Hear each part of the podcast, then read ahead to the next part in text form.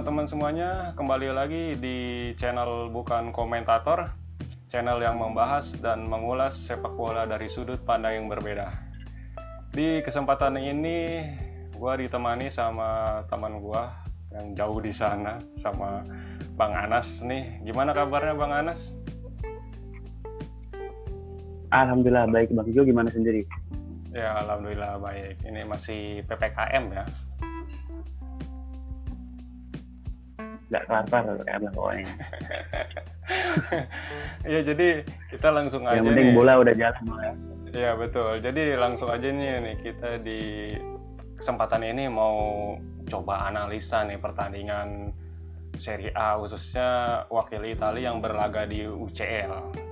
Kita langsung aja kita mulai dari Atalanta nih Atalanta yang ternyata uh, berhasil menahan imbang Villarreal di kandang Villarreal ya.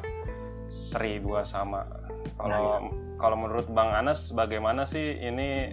Apakah hasil ini baik untuk Atalanta atau buruk? Atau bagaimana nih pandangannya nih? Bagaimana Bang Anas? Kalau pandangan gue sendiri sih ini hasil yang kurang begitu baik ya kalau kita tahu track recordnya Atalanta sejauh ini di Serie A ya. Karena si Gasperini sendiri udah perhatikannya udah luar biasa banget sih yang dulunya Atalanta mungkin dipandangnya tim papan bawah ya selama beberapa musim terakhir sudah jadi kayak uh, tim kuda hitam yang selalu ada di top 5 klasemen uh, Serie A sendiri ya. Nah untuk yang kemarin kan kebetulan lawannya kan uh, kalau nggak salah juara Liga Eropa tahun kemarin bang ya. Iya betul. Nah berta berlawat di berlawat ke kandang Villarreal sendiri, saya rasa itu uh, hasil yang cukup ideal lah untuk menyelamatkan ke, dari kekalahan. Kan dia awalnya juga leading kan duluan si Villarreal kan. Hmm. karena ada si Gosen jadi penyelamat akhirnya berakhir imbang. Menurut gue oke okay sih bang. Oke okay, ya Atalanta apalagi bang ini kan sendiri gimana bang? Ya apalagi ini di markas Villarreal. Jadi Atalanta memang ibaratnya ingin menunjukkan bahwasanya dia tuh bukan tim yang sembarangan gitu. Dia menunjukkan dengan kualitas para pemainnya. E, menurunkan full tim juga ya dengan Japata, Malinovski, lalu Pesina juga dan beberapa pemain baru seperti Demiral dan uh, kipernya Muso dan kredit khusus untuk Juan Muso ini bahkan beberapa kali menyelamatkan gawang rata-rata ya. Mungkin kalau kipernya bukan Muso mungkin bisa kalah itu Atalanta. Dan iya bisa ya, jadi itu. ya. Penampilan Muso di laga itu sangat tampil baik sekali menyelamatkan beberapa kali. Kalau Villarreal ya kita tahulah tim Spanyol seperti apa cara mainnya. Mereka benar-benar Sparta dan nggak bisa dianggap remeh ini. Mereka tampil luar walaupun biasa lah. kelasnya katakanlah walaupun kelasnya nggak semacam Villarreal pun tim Spanyol udah cara mainnya udah Spartan semua sih saya rasa sih. gitu. makanya kalau tim Italia berhadapan tim Spanyol memang agak kesulitan mereka. Walaupun seperti Villarreal atau Sevilla atau Valencia seperti itu yang di bawah Barca dan Ma Valencia loh. Eh, Barca dan dan Madrid gitu. Tapi ya. cukup mesulitkan gitu berbenturan sama uh, kebiasaan main di liganya masing-masing sih bang? Sebenarnya Atalanta boleh dibilang tim Italia yang menampilkan permainan paling atraktif sebenarnya di bawah Gasperini ya. Dia memiliki banyak sekali opsi penyerangan dan juga uh, boleh dibilang paling menarik dari segi permainan di tim di Italia itu ya. Betul betul betul selalu menguasai uh, ball position itu ciri khas Atalanta di beberapa musim terakhir ini. Gak cuma yang nunggu terus nyari apa nyari counter attack kayak Italia kan kita taunya kayak gitu kan bang ya. Hmm. Jadi nunggu nih pemain terus tebukan di belakang, manfaatin serangan balik biasanya kan seperti itu. Terus udah gitu cara bermain Atalanta juga kayak uh, filosofi Italinya mungkin agak sedikit dihilangin ya kalau menurut gue pribadi ya kalau ngelihat ya. Jadi yang lebih kayak uh, kalau lawan pemain apa uh, klub Liga Inggris saya rasa yang paling bisa ngimbangin secara permainan terlepas dari siapa yang main ya dari racikan si pelatih sendiri Atlanta cukup paling oke okay lah untuk dari segi ngimbangin dari cara bermain. Iya dia Bener emang, gitu gak Bang Jo? Iya dia emang paling ya itu tadi dia sulit ditebak juga permainannya banyak paling aktif pemainnya lini gelandang tengahnya itu banyak pilihannya mereka ada Ilicic, ada Malinowski, ada Pesina, ada uh, Klurer ataupun Gosens yang winger selalu bisa ngerangsek hingga menjadi seperti striker. Tapi sebenarnya di balik itu semua, Iya sebenarnya dan dan saya cukup uh, ibaratnya tuh hebat juga itu ngelihat Gosens yang posisinya winger kiri tapi kalau golnya itu produktif termasuknya bahkan melebihi striker. Ya kalau di Atalanta emang gol getres ya emang Gosen di selama ini yang sering banget jadi ancaman lah. Kalau buat lawan-lawan yang lawan Atalanta tuh pastinya Gosen tuh kebanyakan tuh. Tapi dia posisinya sebenarnya winger kiri loh di formasi 3-5-2. Tapi dia selalu bisa overlapnya tuh sampai maju dan disiplin juga maju mundurnya itu Gosen. Iya, posisinya kan divider kan kalau dia tuh ya. Iya, betul. Kadang di wing, kadang di wing juga. Ya, makanya dia dia uh, diincar banyak klub top juga ya seperti Juve dan Inter dirumorkan tapi harganya yang dibanderol sekitar 40 juta termasuk mahal kalau buat emang tim gak, Italia. Emang nggak emang nggak niat dijual atau ya makanya ngasih harga ya. nggak kira-kira. Jadi biar nggak ada yang nawar. iya betul juga sih. Emang nggak masuk. Iya nggak nggak masuk akal juga termasuk seperti kemarin iya. strikernya Japata juga rumornya mau dibeli Inter tapi dibanderol seharga 40 juta. Inter nyerah akhirnya. Inter hanya menawar milih Jeko lah pasti dia. Ya, sekitar 30 juta akhirnya kan merekrut uh, Joaquin Korea dari Lazio itu. Oh ya Korea di sekarang kan yang kasihan apa Lazio tuh sekarang. Iya. Padahal yang biasanya cetak gol kan selain iya. Immobile Korea hilang. Iya betul. Dan Atalanta juga sebenarnya dapat uh, termasuk penjualan terbaik di bursa transfer kali ini. Dia berhasil menjual Golini dan backnya Christian Romero itu ke Tottenham Sport. Di situ dia bisa uh, mendapatkan pendapatan lumayan sebenarnya dari hasil penjualan itu. Makanya dia akhirnya me meminjam Demiral dari Juve. Tapi sebenarnya oh ya dan juga kipernya diganti oleh Juan Musso itu. Tapi sebenarnya kalau dari uh, kekuatannya sebenarnya nggak berubah sama musim lalu. Jadi memang tetap tetap menakutkan si Atalanta. Kalau untuk di grupnya ini, ini kan tergabung dengan MU dan Young Boys Nah, yang MU ternyata yeah. di luar dugaan kalah. Nah, ini prediksinya prediksinya gimana nih ke depannya di grup ini? Um, kalau di grup UCL sendiri kan dia di grup ini bang ya, uh, di grup F ya. Ya. Nah, MU digadang-gadang lah. Semua orang semenjak kembalinya CR7 udah pasti orang-orang wah MU udah lihat lawan uh, di grupnya eh yang paling berat paling Atalanta udah berpikirnya pasti kan seperti itu. Tapi di luar dugaan ternyata waktu MU lawan kemarin Young Boys ternyata kecolongan tuh di menit akhir. Dari terlepas dari kesalahan ataupun si pelatih menarik Cristiano masuk apa uh, menarik Cristiano ya dengan tim pemain kalau salah Lingard bang ya? Iya Lingard.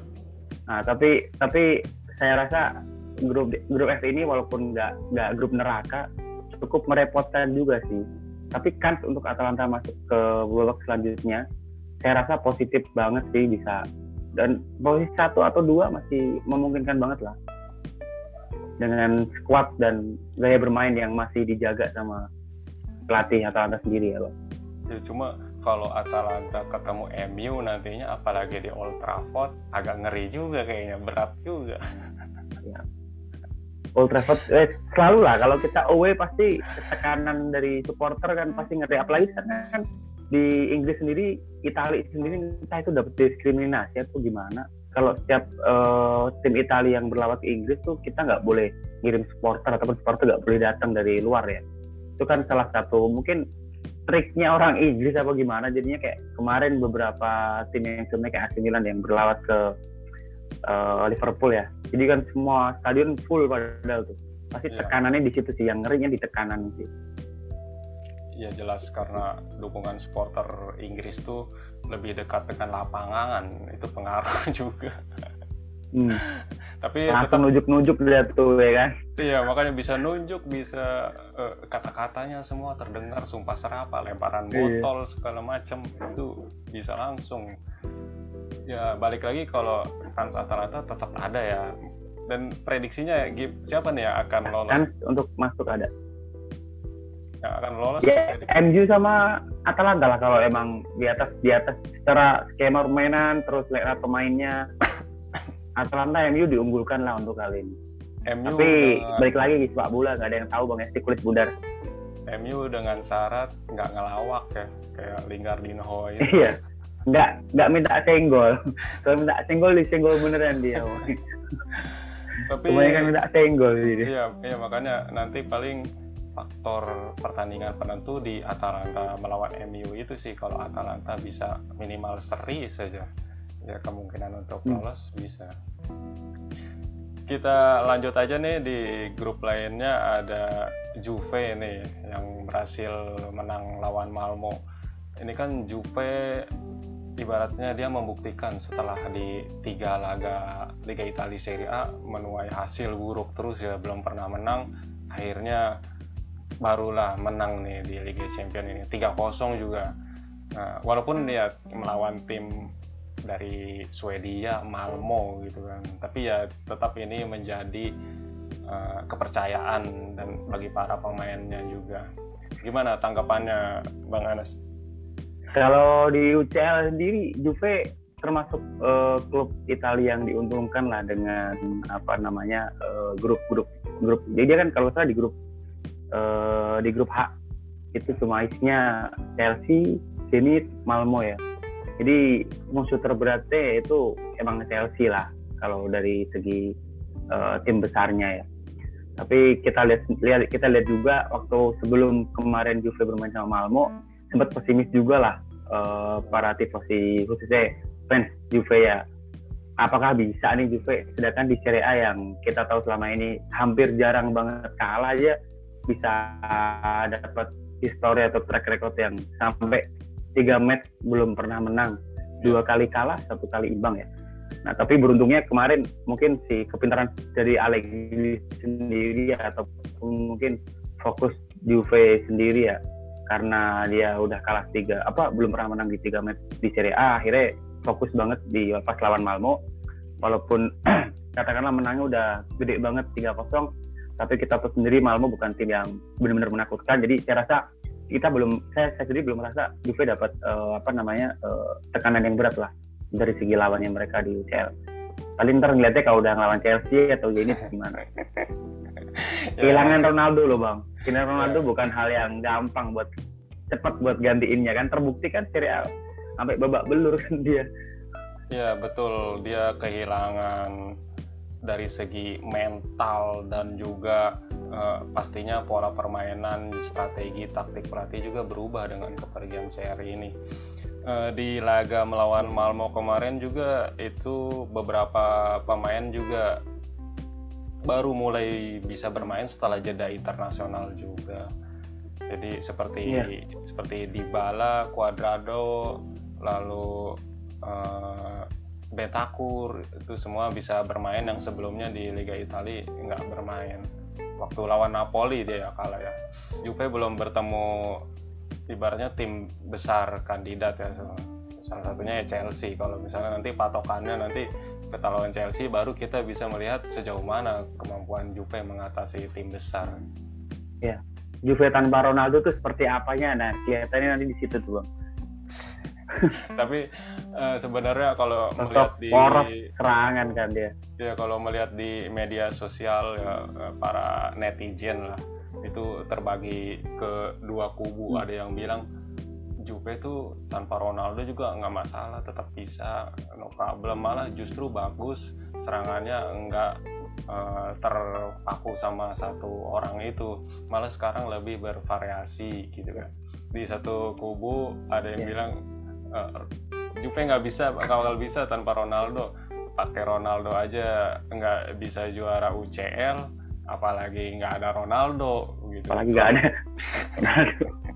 Sebenarnya sebenarnya kan iya. uh, mereka tujuan Juve mendatangkan Ronaldo tiga tahun yang lalu itu untuk ya impian mereka meraih trofi UCL gitu kan. Tapi ternyata selama tiga tahun hanya sampai di babak 16 besar itu. Gimana tuh tanggapannya? Nah. kalau menurut gue sendiri sih apa namanya uh, awal Ronaldo masuk ke Juve tuh oke okay lah permainan Juve berkembangnya sangat bagus dari lini per lini. Tapi ada kayak ibarat kata kalau bisa diomongin secara simbolnya tuh kayak ada beberapa pemain yang kayak kemakan dengan ketenaran si CR7 ya. Contohnya kayak Dybala. Dulu dulu Juve Dybala banget kematian ya Dybala is Juve gitu loh. Sebelum ada CR7 ya betul, betul. tapi semenjak ada CR7 kan Dybala kayak mungkin kayak kayak menurut saya rasa saya rasa kayak underperform sih dia. Betul. Saya rasa kayak ada terus sudah gitu beberapa musim terakhir terlihat banget Juve mainnya mainnya monoton. Jadi sebelum bola maju ataupun serangan dibangun tuh emang otaknya di CR7 deh. Yang itu mungkin yang di yang di alam yang diomongin sama beberapa netizen tadi yang satu pihak ah kalau ada Ronaldo mainnya Ronaldo mulu tanpa Ronaldo juga malah makin bagus nanti mungkin seperti itu sih bang. Iya memang uh, Ronaldo itu sempat bersih tegang juga sama Allegri bahkan waktu Allegri waktu pertama kali melatih dia kan itu masih ada Ronaldo waktu itu Allegri sendiri hmm. sudah terang-terangan bahwasanya dia bilang Ronaldo ini bisa menghambat regenerasi para pemain Juve nantinya dia khawatir akan ke arah situ makanya waktu ya. itu Allegri sempat bilang uh, supaya manajemen Juve ini menjual Ronaldo tapi yang terjadi akhirnya Allegri malah yang mundur waktu itu out. Nah, depak. Ya, salah satunya itu itu itu itu terjadi ibaratnya antara manajemen Juve dengan Allegri akhirnya Allegri mundur, masuklah Sari. Nah, sebenarnya di di di eranya Sari cukup baik ya eh, bisa meraih trofi juga masih Scudetto. Tapi ya itu tadi tujuan Juve sebenarnya mendatangkan Ronaldo untuk meraih trofi UCL hmm. dan dan di Sari dan apalagi di, di Andrea Pirlo kemarin ternyata gagal hanya sampai di babak 16 besar dan sekarang Allegri lagi kembali ya jelas-jelas dia sudah tidak menyukai Ronaldo sedari awal itu makanya, makanya mungkin salah satu klausul salah satu klausul Allegri balik saya rasa manajemen nah. udah ngumumin sih bang kalau saya denger ya manajemen udah ngumumin uh, musim depan Ronaldo udah udah nggak bakal dipakai saya dijual lah gitu betul, sih. makanya betul. Allegri mungkin mau balik sih saya rasa sih itu karena kemarin kan rumornya sempat kencang Zidane masuk lah siapa masuk lah seperti itu kan ya betul tapi akhirnya di menit-menit akhir toto Allegri nah pasti udah udah udah feeling sih oh Allegri masuk nggak lama pasti Cristiano dijual nih eh bener Cristiano dijual Iya sebenarnya rumor seperti itu blow blow upnya nggak nggak nggak terekspos media. Sebenarnya itu iya. dari awal pertama kali Ronaldo datang dan ada Allegri sebenarnya. Tapi sekarang nggak nggak kedengaran. Mungkin mungkin makanya ini ini hanya sekedar info dari gua. Mungkin benar atau enggak. Tapi setahu gua kemungkinan seperti itu. Makanya Ronaldo akhirnya dijual. Dan Allegri jelas dia sangat mengandalkan Paulo Dybala, dan beberapa pemain andalannya ya pemain muda seperti Betakur pasti akan dimaksimalkan dan Morata juga. Gitu. Dia dia lebih lebih uh, variasi serangannya juga. Ya itu tadi tidak mau mengandalkan hanya satu dua orang. Dia ingin uh, lebih bervariasi dari kedua lini sayapnya. Ya dan terbukti itu di pertandingan melawan Malmo ya bisa mencetak tiga gol. Nah, jadi kalau untuk di grup ini gimana nih Juve, Chelsea, Zenit, Zenit juga nggak bisa dianggap remeh bahkan Chelsea cuma menang satu kosong. Gimana Zenit peluang ya kokoh di pertahanan ini bagus sih bang Zenit. Hmm. Kalau peluang Juve sendiri saya masih saya yakin sih semua wakil Italia Atalanta khususnya kita ngomong Atalanta sama Juve saya rasa bakal lolos ke babak selanjutnya sih karena kita lihat sendiri grupnya nggak nggak terlalu grup neraka banget lah. Jadi kan untuk dia uh, masuk ke babak selanjutnya tuh sangat-sangat besar. Terlebih dengan squad yang mereka miliki ya. Juve oh. udah pemainnya, tengahnya udah makin lengkap. Udah kemarin tambah Locatelli juga nggak salah. Ya. Locatelli masuk juga. Ma, apa Matis Delek udah lagi gacor-gacornya juga. Sliding paling berbahaya tuh slidingannya dia tuh oh, gila. Kenceng banget. Ya memang dibanding uh, klub di grup itu praktis hanya Chelsea dan Juve yang jelas diunggulkan dan boleh dibilang Ju Juve ya mudah lah ini grup keterlaluan kalau sampai iya. lolos gitu kan. Kalau minimal sampai, juara dua itu. Iya, itu minimal tuh ya. Minimal kalau, juara dua. Kalau sampai nggak lolos, apalagi misalnya terjun ke Liga Malam Jumat, aduh, udah habis deh dibully, dibully dah. netizennya makin berkuar-kuar wah tahu gitu jangan jual tuh CR7 tuh. Ya kita harapannya sih wakil Italia khususnya Juve bisa lolos ya. ini bersama Chelsea. Lolos semua. Ini next nih ada match Milan nih yang akhirnya kembali lagi ke UCL setelah berapa tujuh tahun apa 8 tahun absen nih? Tujuh tahun masuk SD udah tuh tujuh tahun cuma ya coba nongkrong coba ngeliatin orang nonton. Oh besok siapa yang main? Chelsea main. Nah, fansnya pasti kan seperti itu kan? Wah pada syukuran semua nih fans sembilan apa fans sembilan waktu ini. Tujuh tahun terakhir tuh kalau nggak salah ingat saya tuh di 16 besar ya lawan Atletico ya kalah tuh. Jadi lawan Atletico uh, kalah. Rame juga di medsos dan ibaratnya Milanisti baru pada keluar semua nih. Wah, membanjiri media sosial. Wah, Milan nih main Milan. Keluar gua. AC Milan nih bos gitu. Iya, Milan main nih wah lawan Liverpool lagi kan dan ditambah disiarkan di SCTV Wah, ulangan final 2005 2007 ya. 7. Jadi kalau ngelihat jalannya pertandingan sendiri sebenarnya bagaimana nih? Menurut Bang? 30 menit pertama ya, kan kebetulan kalau pas Milan saya nonton langsung. 3 menit pertama tuh kayak Liverpool lawan Mike Nan ya, kiper was Milan yang baru kan, Mike Nan, Mike, Mike Nan. Jadi 30 menit awal babak pertama tuh kayak Liverpool udah lawan kiper aja udah. Karena saya uh, mungkin berangkat dari kan Milan sekarang lagi fokus ke pemain-pemain mudanya bang ya. Hampir nggak ya. ada pemain yang ber oh siap sikat sikat. Hampir nggak ada pemain yang notabene uh, berpengalaman apalagi di kita ngomong di zona UCL ya. Semua hampir diisi dengan line up pemain muda dari belakang cuma ada kejar doang yang tua. Tengah muda semua, depan muda semua.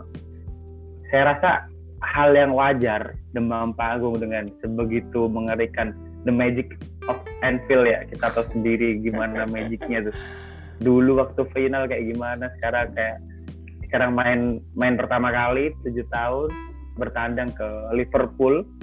Kita sendiri tahu-tahu sendiri sejarah Milan Liverpool gimana. Fans Liverpool membeludaki semua stadion. Pemain-pemain muda penuh tekanan semua ilus apa namanya instruksi pelatih saya rasa gak jalan semua tuh kakinya pada gemeter. Di lapangan tuh. Sampai fansnya saya rasa juga gemeter itu bang yang nonton Iya tapi kan sebenarnya boleh dibilang penampilan AC Milan di babak pertama itu sangat baik ya, uh, di luar dugaan bahkan unggul kan di babak pertama 2-1 ya. itu sama sekali ada leading 2-1 iya beberapa di komentar medsos Milanis itu istilahnya wah kaget nih masa sih menang nih 2-1 masa sih yang bener? Gitu kan. Dan iya. dan memang harus diakui penampilan AC Milan di babak pertama cukup baik uh, uh, kolaborasi kerjasama tim antara Theo, Leao dan Rebic ini benar-benar seperti udah klop seperti udah menyatu gitu. Yeah. dan dan Kepakan itu sayap kiri itu bang nah dan itu terbukti dengan dua gol itu ya Leo, Rebic sama Theo nih emang udah segitiga bermuda lah udah bahaya itu. Ya. Aslinya Milan kalau disebut-sebut pemain muda oke okay, muda semua cuma kita lihat beberapa match terakhir khususnya di akhir musim ataupun awal musim ini pemain-pemain mudanya udah nyetel semua bang. Sampai pernah dijulukin fans Milan. Apa fans Milan kan bilangnya dia udah punya toko besi nih di lini tengah nih.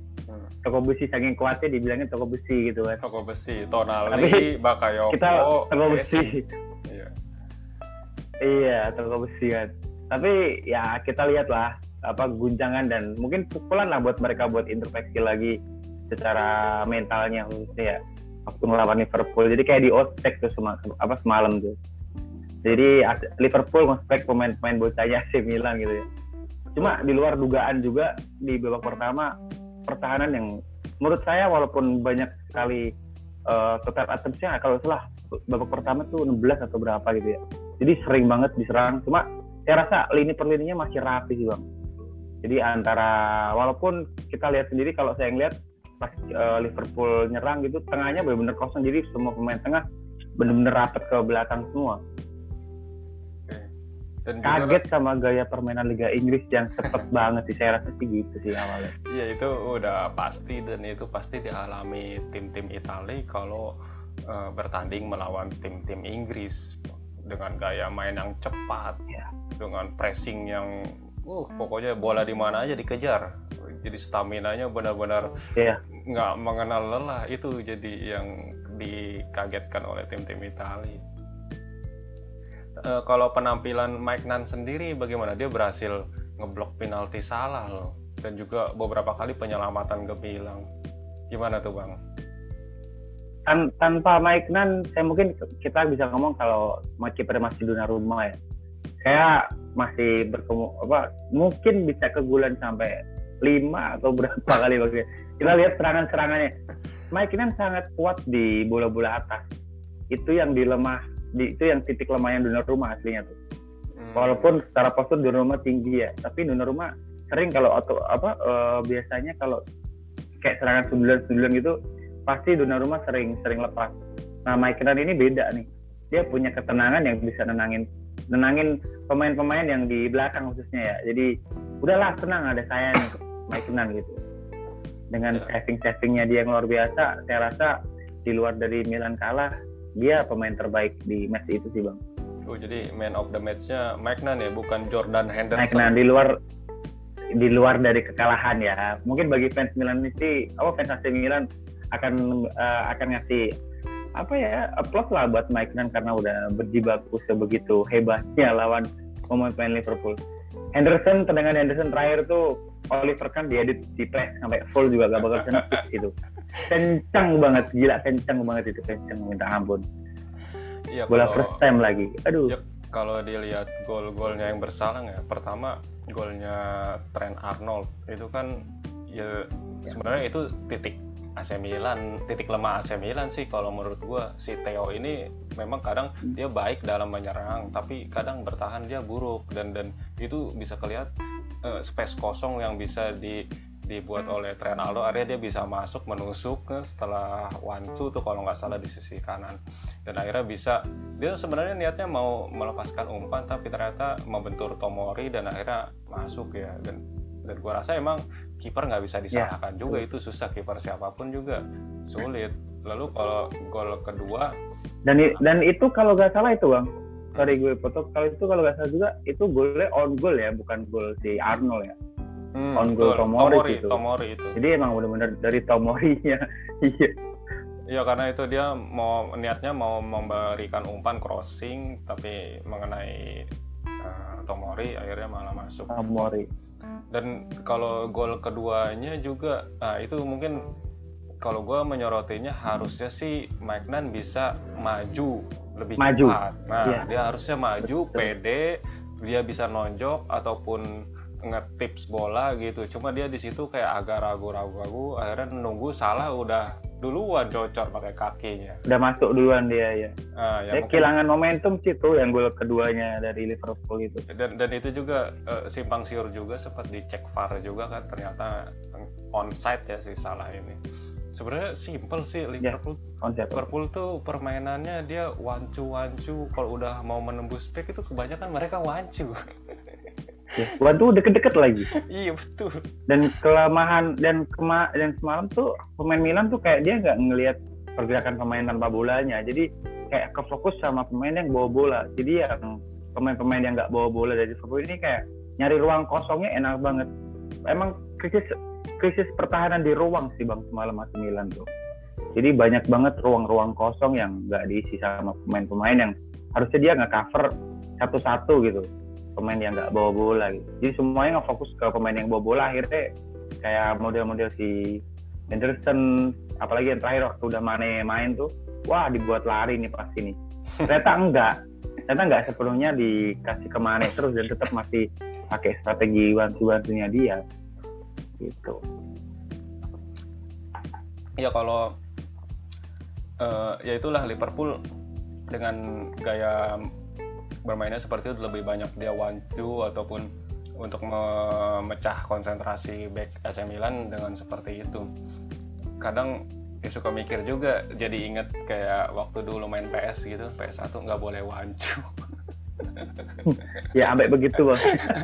Kalau sekarang karena, kalau sekarang main PS nggak boleh pakai PSQ iya karena memang saking berbahayanya umpan satu dua itu di sepertiga akhir pertahanan lawan ya itu terlihat dari golnya Muhammad Salah itu. Dicongkel ngelewatin. Loh kalau untuk yang gol ketiga ya itu gue juga menyoroti harusnya ada satu pemain yang berdiri di kotak penalti. Pemain Milan ya harusnya. Biasanya si Alda. Biasanya harus harusnya Benacer yang di posisi itu nah, biasanya. nah itu selalu Benacer. Nah, itulah mungkin salah miskomunikasi atau bagaimana atau mungkin Mike Nen nggak memberikan instruksi ataupun kapten yang mengatur. Harusnya sih ada di tengah sehingga gol tendangan dari Henderson itu nggak terjadi. Gitu bang kalau menurut gua kalau yang saya lihat ya bang ya uh, jadi waktu di babak kedua itu Milan mungkin terlalu over over itu over confident mungkin ya. Jadi kelihatan terbukanya di menit-menit awal dia. Makanya dia cepat banget kecolongannya. Itu benar-benar kelihatan banget sih dia main terbuka. Benacer mau coba pegang bola, Casey mau coba pegang bola juga, Brem Diaz oke okay lah Brahim Diaz kita tahu walaupun kecil tapi kuat banget nahan bolanya. Nah tapi yang di akhir-akhir ini waktu Benacer ditarik terus saya saya mikirnya wah harus ini Casey yang ditarik nih kenapa harus Benacer gitu loh nah Benacer ternyata ditarik diganti Tonali masuk nah semenjak kehilangan Benacer itu jadi kayak ada kosong tambahan kosong lagi sekarang kita tahu sendiri beberapa match terakhir itu Tonali lebih sering membantu penyerangan daripada pertahanan hmm. nah itu itulah kalau titik-titik yang mungkin membuat kenapa Bull Henderson terjadi sih. Dan gitu kan terakhir kan uh, masukin lagi tuh kayak Maldini itu apa gitu kan kita lagi krisis kurang gol gitu kenapa masukin Maldini gitu. Iya, itu kan agak agak perlu dipertanyakan juga lah itu kebijakan dari Cipioli sendiri. Ya cukup dengan pasang iya aneh benar-benar aneh bang nggak ada urgensi ataupun kan kita lagi urgent banget nih urgent namanya gitu. juga pemain ya? titipan susah kalau lawan pemain kalau titipan kalau kata fans apa kalau kata fans gini bang ah itu Malini masuk biar dapat foto aja biar post IG-nya ya susah kalau orang orang dalam mah susah Iya. Sebenarnya problemanya. Yang, yang tersisa juga sebenarnya udah tampil semua. Ya kita tahu kan Ibra cedera. Uh, yeah. Sedangkan siapa Mes Mesayas itu belum jelas juga. Lalu siapa Pellegrini juga belum belum. Pellegrini belum. Nah makanya itu jadi memang nggak ada. Jadi pilihan lah. Makanya nggak ada pilihan lain akhirnya ya Daniel Maldini. Florenzi dimasukin nggak nyetel sama sekali ya dua tiga benar-benar patut disyukuri lah kita nggak kebantai sama apa sih Asli nggak kebantai sama Liverpool. Ya apalagi di babak kedua. Terlepas terlepas jadi diserang terus. Iya praktis di babak kedua didominasi sama Liverpool dengan ball possession yang mencapai iya. 68% itu wah udah dah. Kayak nggak bisa berbuat apa-apa udah. Itu Liverpool tinggal yeah. mainkan bola ke kanan kiri balik over. Wah itu nggak ada yang bisa ngambil ya itulah Liverpool memang ya tim besar lah. Dia kandidat ya. CL sedangkan Milan ya baru masuk ke UCL anak baru ya itu tadi abang bilang diajarin. Ya, di ospek dulu bang. Apa yang udah berpengalaman kan? Tapi memang diakui yang di, diakuin kalau gue emang penampilan Milan di babak pertama itu bagus. Tapi di babak kedua menurun mungkin Ya, karena biasa. faktor fisik juga dan eh, tidak adanya pergantian yang bisa eh, memberikan dampak yang signifikan untuk permainan Milan. Gak ada sosok leader sih. Kalau kalau Milan sendiri kan kita ngeliat, mungkin saya pribadi ngeliatnya leader di lapangan tuh Ibra. Siapa pun lawannya walaupun kita kalah tuh kayak palanya kita tegak gitu kemarin Milan. Tapi kemarin kita kehilangan sosok Ibra. Yang seharusnya kita gak ngandelin kekuatan Ibra sih harusnya sih. Cuma emang ngandelin dari uh, suntikan mentalnya Ibra itu aja kan. Di pemain termotivasi. Tapi kemarin kan gak ada Ibra. Jadi mungkin sosok itu sih yang membuat pemain pemain Milan kayak gemeteran gitu. Theo Hernandez beberapa hampir beberapa kali kecolongan dia, nggak bisa nutup salah, bahkan ke kolong ber, ada dua kali saya ngitung tuh Theo kalau ke kolong salah. Nggak dan nggak pernah dan di match lawan Liverpool kemarin saya nggak lihat Theo yang Theo yang kita kenal sama ini yang nyerang Ya, sampai ke depan. Makanya Ya. dia dia semua benar-benar benar-benar nggak bisa berbuat banyak juga. Dia terfokus untuk Ya, bertahan. Betul. sedangkan dia kalau bertahan ya tahu sendiri Ah. kurang kurang bagus dalam bertahan. Kalau bahas Ibra ya mau gimana lagi faktor umur nggak bisa dibohongin juga. Dan kalau menurut gua Ibra di AC Milan tuh cuma sebagai ibaratnya pelatih kedua lah. Dia udah dianggap tuh udah pensiun aja lah anggaplah. Atau udah Ibra tuh udah cedera terus lah anggaplah. Kalau menurut gue sih gitu jadi emang Jadi asdos sih dia, asdos Pioli. Iya jadi nggak Milan tuh nggak bisa bergantung sama seorang Ibra udah udah bukan bukan waktunya lagi memang makanya akhirnya kan mendatangkan iya makanya mendatangkan Mesias. Giroud dan Pellegrini dan Mesias itu diharapkan bisa menambah daya gedor lini serang Milan di depan. Nah, kalau Benar-benar saya setuju bang. Ya kalau Ibra udah dianggapnya udah cedera aja terus. Prediksinya sendiri di grup ini kan boleh dibilang grup neraka dengan Porto, Atletico Madrid, Liverpool, Milan. Nih. Tanggapannya nih bagaimana? Peluang lolos Milan gimana? Peluang selalu ada ya bang. ya. Peluang selalu ada cuma Hmm. sedikit eh, optimis harus kita harus optimis lah sebagai fans tim-tim Italia pendukung Italia di kancah Liga Eropa apa ke Liga Champion ini. Cuma kalau kita lihat dari hasil tim sebelah yang bermain Atletico dan eh, si Porto kan akhirnya imbang. Nah, kan untuk Milan bangkit secara mental agak tertolong untuk hal itu tapi secara teknis di lapangan Pioli banyak PR lah yang harus dibenerin buat eh, mastiin ataupun mantepin Milan punya kans untuk lewati babak grup ini sih. Harus Ya. ada sih. Ya sebenarnya Pioli sendiri nggak dibebani target apa-apa ya di UCL ya. Iya. Apalagi tergabung dengan ya inilah resiko eh, drawing masuk pot 4 itu berpeluang dengan berhadapan tim-tim besar ya seperti ini yang terjadi. Porto nggak bisa dianggap remeh. Porto di musim lalu dia yang menyingkirkan Juve di babak 16 besar. Ya. Ya, benar-benar benar. Kalau Atletico Madrid Ah. Dia udah langganan lah selalu lolos babak grup dia selalu lolos konsisten 18 dia. 8 besar selalu tuh. Iya dia konsisten lah. Ya ya ini berat sih dan susah diprediksi juga. Tapi kalau Ya. bicara secara di atas kertas, secara kualitas ya kita bisa bicara Liverpool sama Atletico Madrid lah secara kualitas mereka diunggulkan. Ya. Tinggal bagaimana sebenarnya Komposisi pemainnya bagus. ya tinggal sebenarnya gue ngelihat nanti ketika AC Milan berhadapan dengan Porto mungkin di situ kuncinya kalau misalnya eh, Milan bisa ngalahin Porto baik home away atau away itu kan paling nggak kan dapat poin 6 dan sisanya mungkin eh, Hmm. bisa menahan imbang antara Atletico Madrid atau Liverpool ya mungkin di situ kemungkinan lolos asal syaratnya ya itu mengalahkan Porto Dan Atletico jangan menang. susah juga berat Kalau Atletico menang berat juga. iya betul Kalau Atletico menang berat juga. Kan kita tahu nggak tahu nih bakal seperti apa nantinya kan. Tapi juara grup yang di grup yang ada AC Milan ini saya positif apa saya rasa sih bakal Liverpool sih yang jadi juara grup ngelihat dari komposisi pemain kemantepan pemain atau line up line up yang cadangannya kan positioningnya udah matang semua kalau mau kalau mau dirotasi semuanya udah matang semua sih. Betul betul. Apalagi Liverpool waktu lawan Milan ini sebenarnya beberapa pemainnya nggak main seperti Van Dijk nggak main Firmino itu belum main juga. Iya. jadi cukup sebenarnya Fabinho aja udah ngacak-ngacak.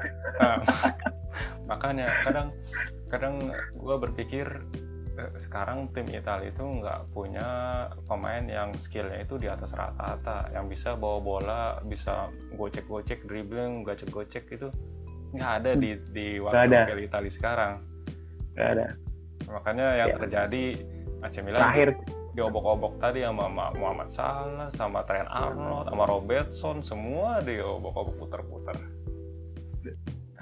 hancur semuanya udah ya itulah kualitas. Calabria yang beberapa Calabria yang beberapa match tampilan tampilnya luar biasa hebat intercept interceptnya kemarin juga ketinggalan mulu kalau diajakin lari.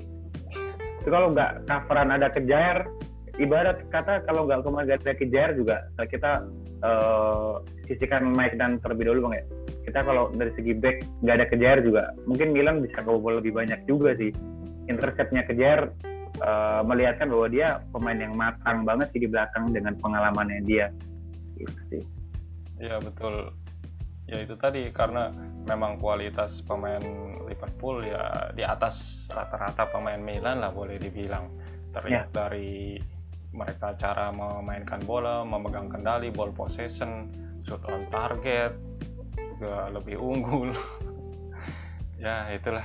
Ya harapannya sih nanti semoga aja bisa di San Siro ya bisa minimal harusnya sih bisa membalas gitu. Harusnya Milanisti fansnya kan ngomongnya kita bahas di San Siro. Nah itu ya. Jadi dengan dukungan dukungan Milanisti nanti di stadion bisa memberikan eh, semangat untuk para pemain Milan.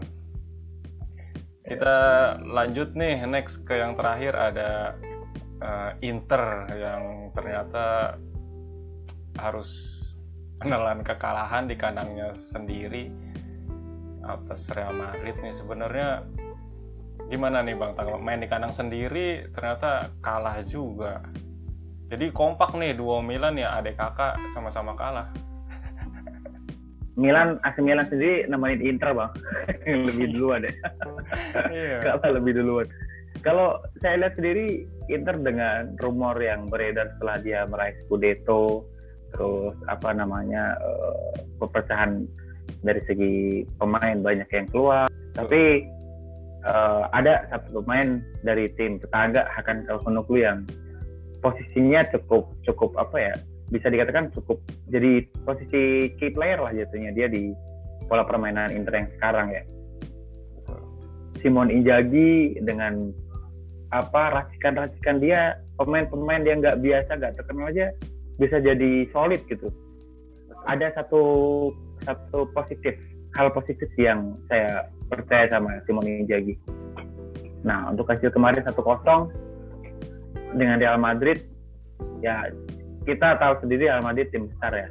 Ya. Walaupun kita agak menyisikan Inter adalah juara Italia tapi balik lagi kita melawan kita law- lawan kita nih tim Spanyol loh.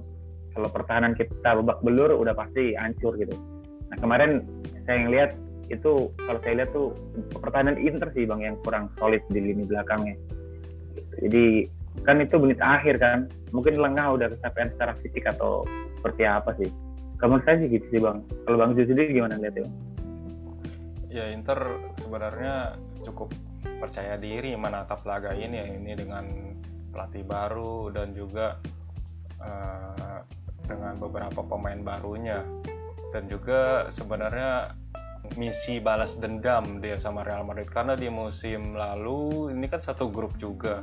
Dua kali kalah home away. Jadi sebenarnya eh, mau misi balas dendam ini sama Madrid. Tapi ya apa daya memang secara kualitas pemain juga itu tadi. Tim Italia masih kalah lah. Khususnya Inter sama Real Madrid. Pemain seperti Vinicius Junior, Rodrigo itu bisa dengan mudah mengacak-ngacak uh, lini pertahanan Inter. Yang yang Rodrigo momok sebagai Inter wah. Ya, kemarin dulu kayak Rodrigo juga ya. Betul dulu Rodrigo juga ya gue yang ngalahin Inter ya. Betul ya. di di musim lalu di UCL Rodrigo juga. Jadi memang itulah yang gue bilang kualitas pemain Liga Spanyol khususnya Real Madrid ini Vinicius Junior dengan mudahnya melewati mengobok-obok back semacam Skriniar, Bastoni itu wah dibuat seperti nggak berdaya gitu. Sedangkan uh, bagi Inter kalau bermain di Liga Italia itu tampil sangat kokoh sekali trio backnya itu yaitu Skriniar, Bastoni dan De Vrij itu bahkan kesulitan kalau tim-tim Italia lainnya menembus lini pertahanan Inter di di eranya Conte ya. Ya, ya tapi di di laga ini dengan mudah sekali pemain Real Madrid mengacak-acak bisa sampai dengan mudahnya akhirnya ya mungkin faktor faktor kelelahan juga yang sudah menurun di menit 89 golnya. Kalau dilihat keseluruhan pertandingan sebenarnya di babak pertama ya sama seperti AC Milan sebenarnya Inter bermain cukup baik di babak pertama. Bahkan di ya, bagus bagus. di laga ini man of the match-nya itu uh, oleh Marcelo Brozovic si gelandang pengatur serangan Inter ini. Karena memang di babak pertama terlihat Inter mendominasi dan terbukti banyaknya peluang. Cuma memang uh, itu tadi kiper Real Madrid Courtois ya tampil sangat baik menyelamatkan menyelamatkan beberapa kali dari sundulan Lautaro Martinez dan juga tendangan Edin Dzeko. Uh, Dzeko. Ya. ya betul. Sebenarnya harusnya Inter bisa mencetak gol di babak pertama, namun ya itu tadi faktor keberuntungan yang belum berpihak. Akhirnya ya itu tadi kalau melawan. Faktor gak beruntung berarti bang. Ya. dan kalau melawan tim besar seperti Madrid ini memang nggak bisa dikasih kendor lah ibaratnya. Kalau mereka dikasih bola dibiarkan ya itulah yang terjadi. Ternyata tiba-tiba bisa memberikan kejutan di sampai menit terakhir. Bisa mencetak gol yang, yang dianggap iya. sebenarnya Simone Inzaghi udah merasa puas dan kemungkinan ini hasilnya seri sampai menit 89 udah cukup adil lah tapi ternyata di menit terakhir kejebolan dan itu meruntuhkan mental dan kecewa banget sih. Dan nantinya di partai selanjutnya harus bertandang ke kandang Madrid kan yang cukup berat juga sebenarnya. Ini sebenarnya kesalahan sih tidak bisa memaksimalkan poin di kandang itu suatu suatu kesalahan. Harusnya sih minimal seri ya itulah. Sulit memang. Seri ya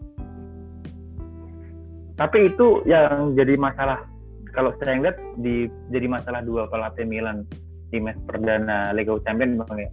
Jadi yang satu Milan dia uh, udah leading 2-1, babak kedua udah pengen terbuka, pengen menguasai tengah, sampai akhirnya dia lupa belakangnya lah.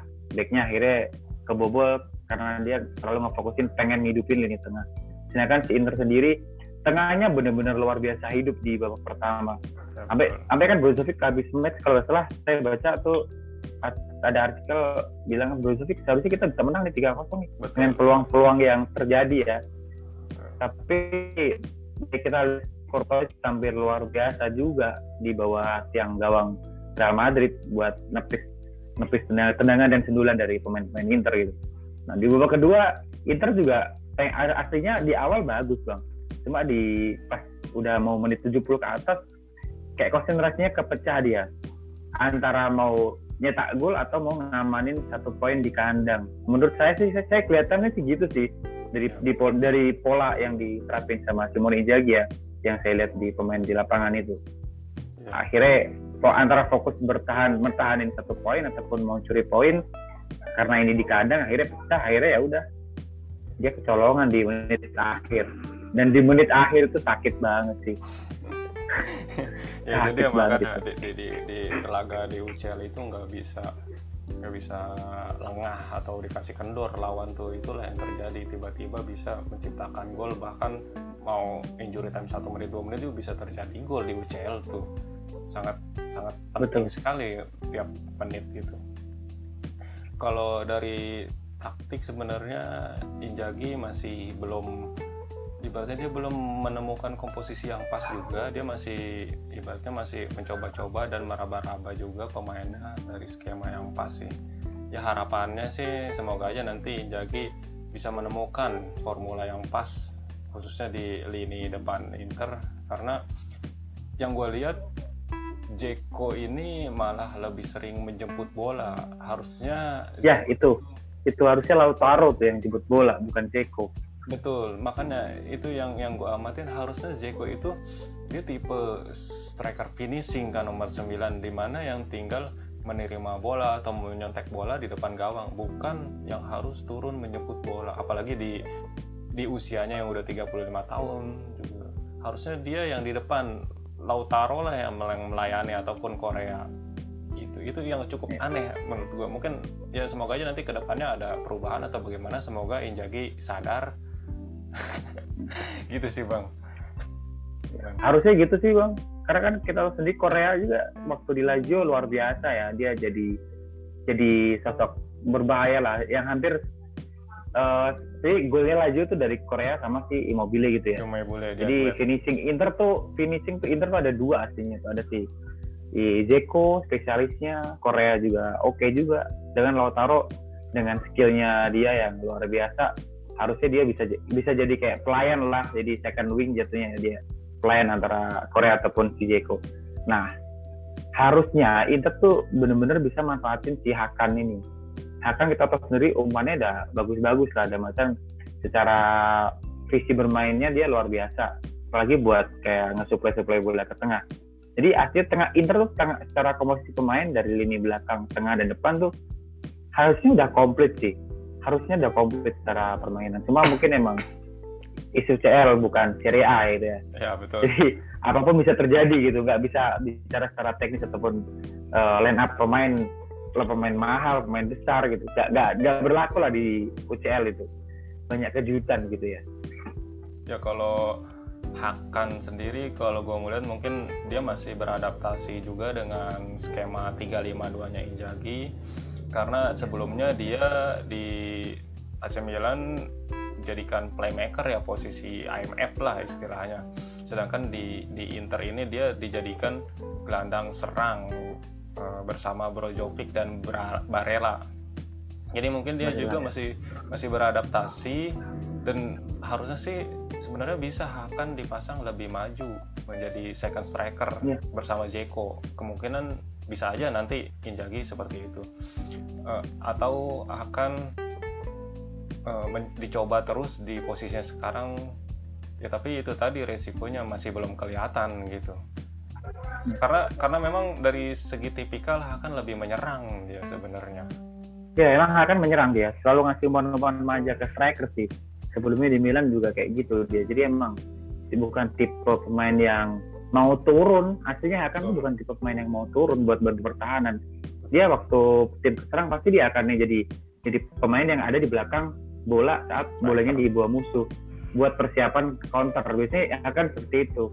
Akan dapat striker lari dia langsung umpan. Biasanya seperti itu ya akan sih makanya cuma di, emang di Inter ya makanya di, di di Inter ini dia di, di diperankan bukan seperti waktu di Milan. Dia di di dia berperan sebagai gelandang serang yang harus rajin naik dan mundur itu mungkin yang makanya dia masih yeah. beradaptasi dan mengalami kesulitan ini juga terjadi uh, sama halnya Erikson di musim lalu. Erikson bahkan oh, ya, sampai ya. setengah musim sampai paruh musim dia akhirnya baru bisa mendapatkan kepercayaan itu juga setelah berubah posisinya. Uh, tipikal Erikson kan waktu itu playmaker dia di belakang striker. Tapi waktu itu sama Conte dirubah menggantikan posisinya Regista Brozovic bergantian. Dan ternyata sukses dia bisa memainkan peran itu. Ya mungkin nanti Hakan juga bisa saja seperti itu. Kita nggak tahu. Gitu sih bang. Masih adaptasi lah. Masih baru kan ya, mentalnya masih keserang sama tipe si AC Milan mungkin. Yang yang dibilang ke, ke tim rival kan dia kan. Iya dibilang inkonsistensi. Kayaknya mulai mengganggu juga itu. Ya. Ya pasti itu pasti ada efek pasti ada efek. Nggak nggak nggak nggak bisa kayak mulus banget lah secara mental itu.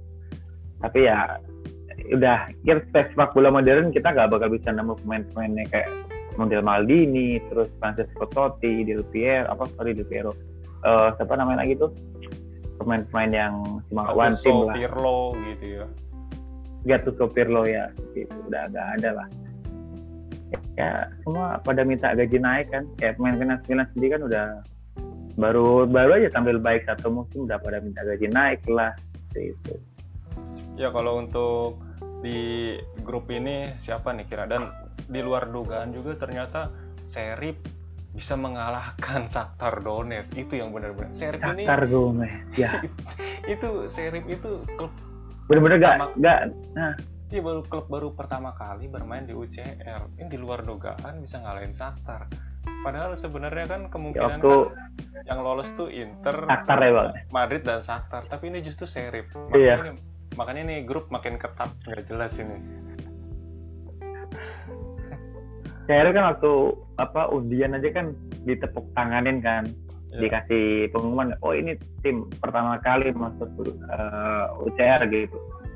Nah ini satu, salah satu yang harus diwaspadai tiga tim yang ada di grup itu sih. Walaupun secara komposisi pemain series mungkin tidak ada pemain bintang di situ tapi dengan semangat mereka yang menggebu-gebu ini bisa jadi tim kuda hitam yang merepotkan tim-tim besar macam kayak Inter nantinya sama Real Madrid tentunya ya bang ya. Karena terbukti nih Shakhtar Donetsk dia bisa kalah kita tahu sendiri Shakhtar langganan lah jatuhnya. Walaupun biasanya dia di Europa League ya jatuhnya. Tapi tetap dia udah pengalaman lah di kancah Eropa. Sedangkan series baru pertama kali ini masuk UCL dan langsung ngasih kejutan dengan ngalahin Shakhtar. Iya makanya. Lihat bang, nonton nggak bang? Kalau gue nggak nonton tuh yang series tuh Iya, gue juga nggak nonton, cuma ngeliat highlightnya doang. Makanya gue bilang ini grup neraka juga boleh dibilang. Bahkan nanti mungkin penentuan lolos tuh bisa sampai di partai terakhir. Kemungkinan bisa seperti Karena itu. karena tim yang nggak diunggulkan justru malah meraih poin terlebih dahulu di jadwal ini. Betul. makanya, makanya bikin fansnya ketar-ketir lah sini. ya makanya uh, Interisti itu nggak mau sampai terulang lagi setelah beberapa kali gagal lolos dari fase grup. Masa iya sih dengan pelatih baru dan pemain baru sekarang nggak bisa lolos lagi? Itu sih. Kalau sampai nggak lolos lagi keterlaluan. Se selemah itukah? Mental Inter se sekecil itukah? Sang juara Liga Italia loh sang Scudetto tapi nggak bisa lolos Scudetto. fase grup. Itu itu yang itu yang yeah. jadi beban sih itu jadi pertanyaan media juga dan para netizen.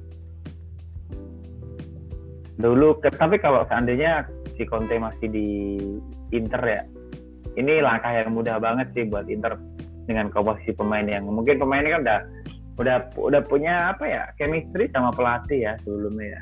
Sedangkan ini masih baru baru kemarin terus langsung dikasih beban yang begitu tinggi ya Simone Inzaghi suruh ngelatih tim yang Scudetto gitu terus dengan target dia UCL juga uh, Scudetto juga pasti dipertahankan kan otomatis kan. Jangan sampai dia jadi jadi tim papan bawah di Serie A-nya juga. Nah ini Simone Jagi PR-nya luar biasa gede sih di sini. Tapi yakin lah dengan komposisi pemain Inter yang ada sekarang harusnya minimal masih bisa lolos lah. Tim tim Italia saya saya positif sih yakin yakin banget lah bisa lolos ke fase selanjutnya bang ya, ya semoga yang nggak yang nggak positif banget AC Milan lah.